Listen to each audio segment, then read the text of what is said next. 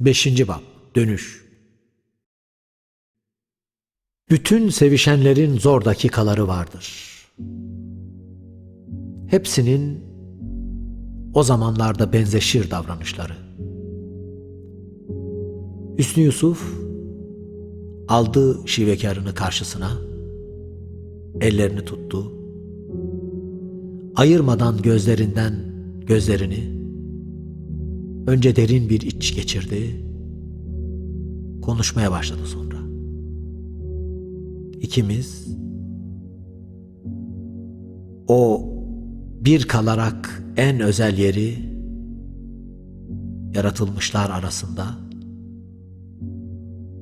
ne kadar hakkıyla kazanmış olursak olalım ve şimdi çok kimsenin anlamadığı yüceliş basamaklarında olsak da her yaratılan şeyin zemini bizim de zeminimiz. İnsan çoğalacaksa insanlarda çoğalır. Bir dönüş bekliyor seni. Cinlerin bahçesinde çocuk doğamaz. Hüsnü Yusuf Şivekara neler yapacağını birer birer anlattı. Bir kocaman yumak ip vererek ona. Gidecekti. Yumağın bittiği yere kadar hiç durmayacaktı. Ne bitmez yumakmış. Kaç gün gitti. Sonunda vardığı yer kapkara bir şehirdi. Önce gecenin tesiri sandı. Oysa gerçekten kara. Gün ışığı altında bile kapkaraydı şehir. Evlerin duvarları siyaha boyanmıştı. Panjurlar ve kepenkler, onlar da siyah ve kapalı. Yollar hep zift karası. Kaldırımlar kara taş. Fakat ne geçen var ne giden. Bütün perdeler çekik ve kara. Bakan kimseler yok pencereden sokaklara.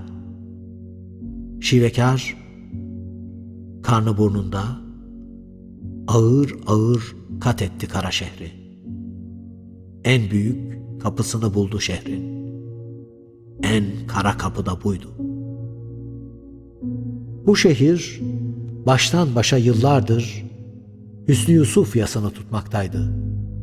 Gizli, gözden uzak bir yerde oynuyordu çocuklar. Büyükler için oynamak, gülmek gizlice bile olsa yasak.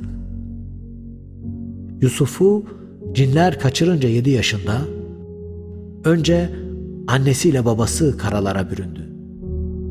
Sonra yavaş yavaş güzel Yusuf'un yokluğuyla kendine çirkinlik bulaşmış hisseden herkes siyahı seçti.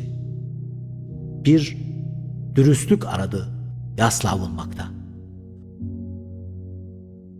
Bu şehrin beyi Hüsnü Yusuf'un babası. En büyük kapı bey kapısı. Gebe kadın büyük kara kapıyı tam da doğum sancısı tuttuğu sırada çaldı. Açan olmadı. İçeriden bir kıpırtı duyulmadı. Çaldı şivekar bir daha. Bir daha. Bir daha. Ne ses ne nefes. Sonunda ona öğretildiği üzere açın. Hüsnü Yusuf'un başı için açın dedi.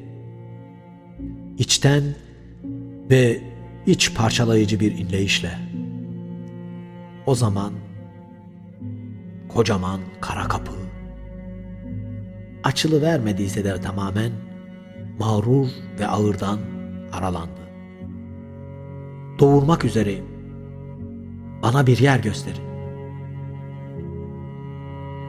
Şivekarı ineklerin ahırına aldılar. Çok geçmedi doğurdu.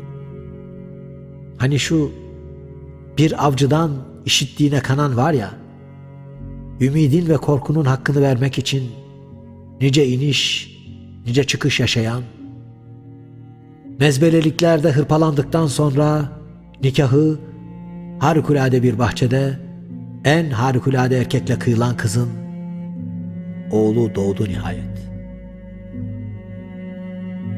Lohusa yalnız kalmasın, al basmasın onu diye o gece ahıra bir halayık bıraktılar. Ve o gece bir kuş kondu ahır penceresine. Dile geldi, seslendi. Şivekarım, şivekarım. İçeriden yanıtlandı bu çağrı. Lebbeyk sultanım.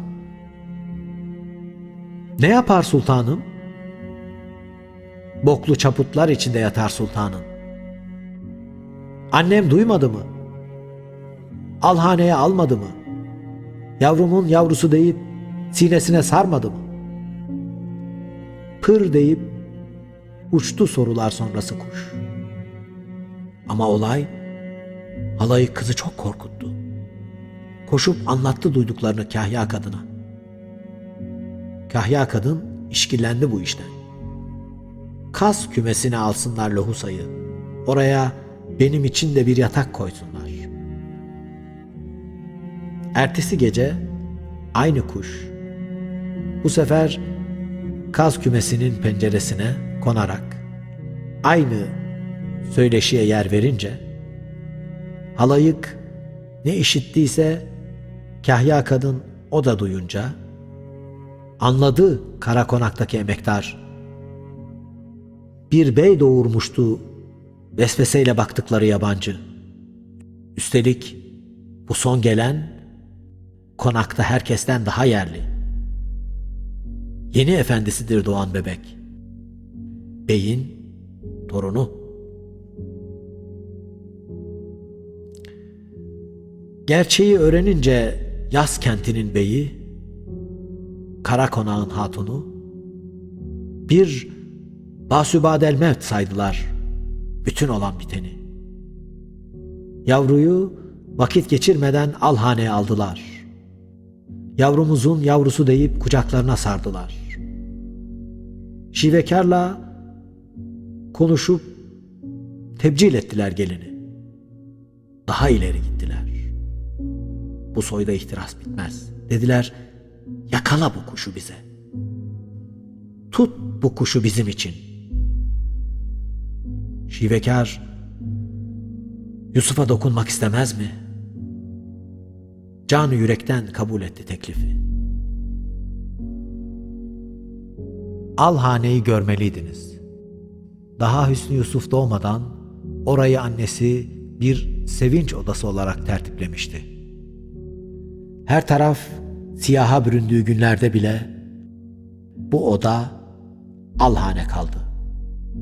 Ümit ve sevinç temsil etsin istendi. Demirden ve kızıl bir karyolada yatıyordu şivekar. Kuş pencereye konup adını ünledi. Şivekarım, şivekarım. Bir naz uykusu içindeymiş gibi yaptı yatakta sere serpe uzanan. Kuşcağız kondu bu sefer karyola demirine. Tez canlı, endişeli seslendi. Şivekarım, şivekarım. Yine ses yok. Yastığa indi, geldi başucuna.